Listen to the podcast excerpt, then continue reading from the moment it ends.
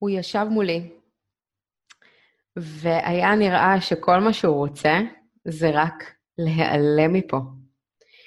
כפוף, העיניים מושפלות, ואני מסתכלת עליו ואני שואלת אותו, מה קרה? ואז הוא אומר לי, אני פשוט מת מפחד להיכשל עוד פעם. זה המשפט שאני שומעת על בסיס יומיומי כבר מעל 15 שנה בקריירה שלי. 99% מהאנשים המדהימים שמגיעים אליי הם כאלה שהפסיקו כבר בעבר לפחות פעם אחת, ומגיעים כדי להבין סוף סוף איך לעשות את זה כמו שצריך, או במילים אחרות, ללמוד איך לא לחזור לעשן. והפחד הזה, ליפול שוב לסיגריה ולהיכשל במרכאות כפולות, פשוט גורם להם להיתקע עם הצעד הזה ולא לעשות אותו. אז היום אני רוצה להקדיש את הפרק לשאלה איך לא להיכשל בגמילה מעישון.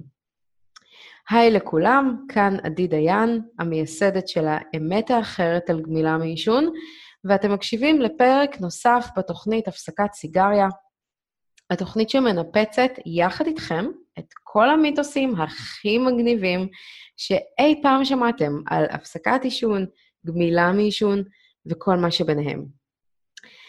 אז כישלון. Hmm, כמה מלמדים אותנו מהרגע שיצאנו מהבטן של אימא שלנו, שאסור לנו להיכשל. כלומר, היום כבר הגענו לאיזשהו שיפור די משמעותי, כשאנחנו יודעים להגיד שמותר לטעות, ויש מי שגם אומרים אפילו שחשוב לטעות, כי אחרת לא נלמד, אבל כל זה בעיקר לשם האמירה, לצערי. עמוק עמוק בפנים, אנשים מרגישים קושי עצום לחוות תוצאות אחרות ממה שהם אה, ציפו לקבל או להשיג. ומאיפה הכל התחיל? פשוט כי אנחנו בני אדם, ואנחנו חיים בתוך מציאות מלאה במשימות וצ'קליסטים, ובעיקר אי-ודאות לגבי הכל.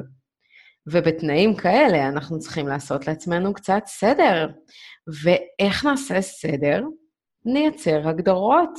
אז עשינו הגדרות וקבענו סטנדרטים לכל עניין וכל דבר, בכל תחום וקטגוריה אפשרית, ואנחנו מאמינים שההגדרות האלה מסדרות לנו קצת את החיים, ואני באמת באמת בעד סדר וארגון באופן כללי. העניין הוא שתופעת הלוואי שקורית כתוצאה מהדבר הזה, זה שהתחלנו להשוות. והשוואות, חברים, זה משחק מכור מראש. אין סיכוי להתחיל להשוות ולצאת מזה בטוב. גם אם יצאתי טובה יותר במרכאות כפולות, או מנצחת, זה תופס בדיוק דקה עד שהעונג הזה חולף, ואני צריכה למצוא דרך נוספת או אחרת להעלות לעצמי את המצב רוח. כמובן שבמידה והכרזתי על עצמי כנכשלת, וואו, אז המצב ממש גרוע הרבה יותר, ונגרר לשיפוטיות וביקורת. כל הדבר הזה פשוט תוקע אותנו במקום. הדוגמה הכי יומיומית היא להסתכל במראה ולתת לעצמנו בראש על איך אנחנו נראים או נראות לעומת... Uh, טוב, זה לא באמת משנה לעומת מי, נכון? אני חוזרת לגמילה מעישון. ההשוואות האלה כלפי חוץ יכולות להגיע בשלוש צורות עיקריות. הצורה הראשונה היא האנשים שאומרים לעצמם, אני מפסיקה לעשן ונופלת כל פעם מחדש, ותראי את זאת, הפסיקה, וכל הזמן היא רק אומרת לי איך היא לא חושבת בכלל על הסיגריה, ואיך היא בכלל לא זוכרת שהיא ישנה שום דבר אי פעם. הצורה השנייה זה כל אותם אנשים שאנחנו שומעים מהם שהם מסתפקים בסיגריה אחת ביום וזהו. כן, אני יודעת, אני יודעת שזאת משאלת הלב הפנימית והעמוקה של כל מי שמקשיב לפודקאסט הזה עכשיו. הדרך השלישית להשוואות מגיעה כשאנחנו כבר מגיעים להחלטה שאולי כדאי לקחת איזשהו ליווי מקצועי, ואז מתחילים להשוות לכל אלה שאמרו, וואלה, אני הפסקתי לעשן בלי שום דבר, ואני עשיתי את זה וזהו, וזה מאחוריי, ואנחנו רואים אותם כבערך החזקים והגיבורים ביקום. אז אני רוצה להגיד לכם בצורה הכי הכי פשוטה לגבי כל אלה, הכל בערבון מוגבל. כשאני שומעת את הסיפורים האלה, דבר ראשון שאני עושה זה לשים סימן שאלה ענק לגביהם. כי אתם לא באמת יודעים מה עומד מאחורי הסיפור הזה. ויותר נכון, מה הצורך העמוק ביותר של אותו בן אדם לספר את הסיפור הזה. כי לא בטוח שמה שהוא אומר לכם זאת האמת לאמיתה. ואני רוצה להגיע לסוג השוואה השני, שהוא בעיניי החשוב יותר, וזאת ההשוואה שלנו כלפי עצמנו. ואני רוצה לספר לכם על אחד האירועים המשמעותיים ביותר שלי מול עצמי, אי שם בשנות ה-90 של המאה ה-20, כשהייתי uh, בתיכון, אחרי שבערך בכיתה ג' התחלתי לטפוח uh, מכל מיני סיבות, שהיום אני יודעת להסביר גם למה ומה קרה שם, אבל התחלתי להשמין. חוויתי ילדות ממש ממש לא פשוטה מהבחינה הזאת, הרגשתי נורא עם עצמי, התגובות מהסביבה כל הזמן היו וליוו אותי לאורך כל ימי בית הספר. הרגשתי די היצור המסכן ביותר עלי אדמות, מבחינה חברתית בכל אופן. ובחופש הגדול, בין כיתה י' לי"א, עשיתי מעשה שמבחינתי הוא יהיה נקודת מפנה, אה, שנים אחר כך גם. החלטתי שאני מסיימת עם הסאגה ויורדת במשקל. פשוט כי בא לי לראות איך, איך זה מרגיש להיות רזה. אז לקחתי את עצמי וירדתי במשך ארבעה, אולי חמישה חודשים, כמעט עשרים קילו. הרגשתי פשוט נפלא עם עצמי.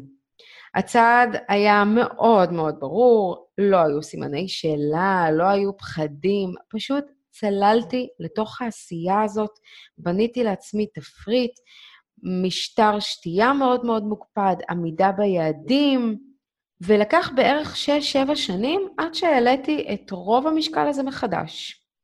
ואז כבר הייתי סטודנטית בבית ספר לאחיות בסורוקה, והחלטתי שאני הולכת לעשות את זה שוב פעם, לרדת במשקל בדיוק כמו שעשיתי את זה לפני שבע שנים. ואז גיליתי שאין לי סיכוי לעשות את זה. אני כבר לא הייתי עדי בת ה-15, אני הייתי עדי בת 21. אישה צעירה, עם חבר, עם חוויית חיים שהתרחבה, זיכרונות שהצטברו, רגשות שהורגשו, ואמונות חדשות על עצמה, סיפור חדש. השתניתי. ומעצם העובדה הזאת, פשוט לא היה סיכוי שאני אצליח לעשות עוד פעם את מה שעשיתי שבע שנים קודם, בתור בת 15. פשוט לא הגיוני לצפות שזה יכול לקרות.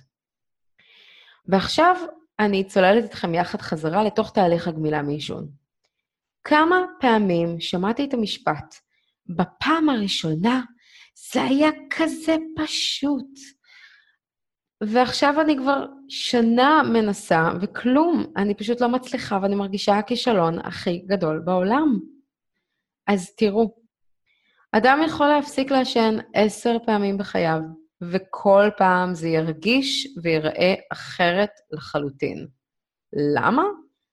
פשוט כי אנחנו משתנים כל הזמן, כל יום, כל דקה. אנחנו משתנים בכל הרמות, פיזית, לצורך הדוגמה, תאי העור שלנו נושרים ומתחדשים. אני אפילו לא נכנסת לתהליכי השינוי בתוך המערכות בתוך הגוף, שזה חתיכת מורכבות, אבל גם מנטלית ורגשית. בכל יום, גם אם אנחנו מודעים לזה וגם אם לא, אנחנו מתפתחים. אנחנו מרגישים דברים וחושבים מחשבות ומספרים לעצמנו סיפורים שלוקחים אותנו צעד אחד קדימה, קטן גדול בתוך המסע הזה שנקרא חיים. ואם קרה שהסכמתם איתי, אז בואו תשאלו את עצמכם שוב, איך יכול להיות שאדם שמשתנה כל הזמן, מצפה לעבור חוויה באופן זהה ומדויק כמו בפעמים הקודמות? זה הרי לא אפשרי. ולכן ההשוואה שלנו לעצמנו היא פשוט לא נכונה. מה כן אפשרי לעשות? ניתוח נתונים. הייתה לכם חוויית גמילה בעבר שהייתה מוצלחת מבחינתכם? מעולה. קחו אותה, תבינו לעומק מה עבד שם ומה לא עבד שם, זה אפילו יותר חשוב, כדי שתוכלו לחשב מסלול מחדש ולבנות אסטרטגיה שתהיה נכונה לכם, לעכשיו, לאנשים שאתם כרגע, למציאות שאותה אתם חיים ממש בימים האלה. לדוגמה, אם אישה הפסיקה לעשן בגיל 25, כשהיא הייתה רווקה ובלי ילדים, סביר להניח שכרגע, כשהיא בת 35, אימא לשתיים, התכנון של התהליך צריך להיות שונה, ההתייחסות ליום-יום בלי הסיגריה הוא אחר לחלוטין. אני אהיה יומרנית ואני אגיד שהוא לא רק שונה לחלוטין, הוא שונה ב-180 מעלות, ואת זה אני אומרת בתור אימא לארבעה. אז איך לא נכשלים בתהליך? פשוט, מפסיקים לתת למילה כישלון רלוונטיות, כי היא לא באמת קיימת. אם הפסקתם לעשן וחזרתם, זה לא בגלל שנכשלתם, אלא כי פשוט לא ידעתם איך לא לחזור. וזה פשוט כמו שזה נשמע. ואם עדיין אתם לא משוכנעים, בואו תענו לעצמכם על השאלה הזאת. האם קרה פעם אחת שקראתם לעצמכם כישלון, או הרגשתם חלשים ושאתם חסרי עמוד שדרה, הדבר הזה גרם לכם לזוז קדימה ואשכרה להפסיק לעשן? לא, אני יודעת שלא. אז די עם זה. לכו, תחקרו מה היה בפעמים הקודמות, ופשוט תדעו מה כדאי לכם לשחזר ומה כדאי לגייס לפעם הקרובה. בהצעה האישית שלי, תמשיכו לעקוב אחרי התוכנית גם בפרקים הבאים כדי לקבל עוד ידע ועוד כלים ועוד השראה כדי להעלות את המוטיבציה ולצלול לצעד הזה בצורה הנכונה ביותר. כמובן שאני מזכירה לכם לא לפספס את הפרקים, ובשביל זה אפשר פשוט ללחוץ על כפתור המנוי ולקבל התראה אונליין כשפרק נוסף יעלה לאוויר. אתם מוזמנים, כמובן, לחפש אותנו את הפסקת סיגריה, את הקבוצה בפייסבוק, אה, ולשאול שם כל שאלה שעולה לכם כתוצאה מהפרק הזה, או באופן כללי, ואם יש שאלה שאתם רוצים שאני אענה לכם, ממש בשבילכם, בפרק מיוחד בפודקאסט, פשוט תכתבו לי אותה. כאן עדי דיין, אני מאחלת לכם גמילה טובה ומועילה. תודה רבה שהייתם פה, ושיהיה לכם שבוע מהמם.